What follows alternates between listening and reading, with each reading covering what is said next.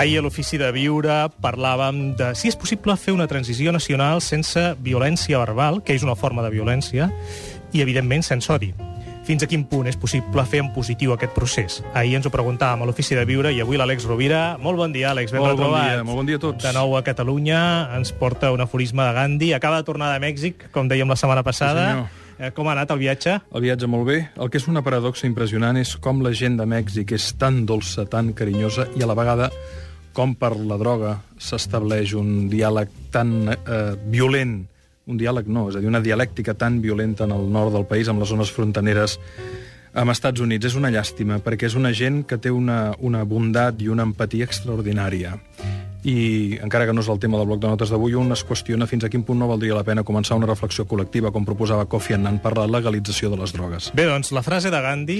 Sí, mira, Gaspar, jo aquests dies, amb tot aquest debat que, que està, vaig voler recuperar no només llibres i aforismes i la biografia de, de Gandhi, sinó que em va mm, venir molt de gust tornar a veure la pel·lícula perquè feia anys que no la veia.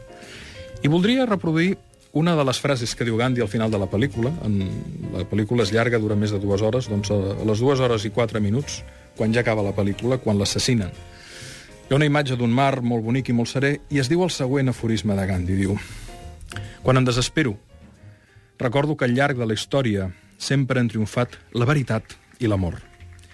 Hi ha hagut tirans i assassins que per un moment podien semblar invencibles, però al final sempre cauen. Tingueu-ho present, sempre. És impressionant, no? És cert. No sé si sempre ha triomfat la veritat i l'amor, però, com deia el poeta llatí Virgili, l'amor tot ho venç, no? El diàleg, la serenitat. Eh, en un procés de negociació, quan arribem amb, amb les emocions pures, és molt difícil pactar. Eh, intentar posar sentit comú i ordre, no? I jo hi ha coses personalment que no entenc. És a dir, com és que es qüestiona emplear la força física per prohibir un referèndum, una consulta popular per part d'un partit que l'any 2003 per 183 vots va fer va aprovar una proposició no de llei de suport a la resolució del govern de George Bush amb la intervenció armada d'Iraq. El Partit Popular va apoyar una intervenció armada, justament, juntament amb, amb, amb Gran Bretanya i Estats Units, per imposar la democràcia a Iraq.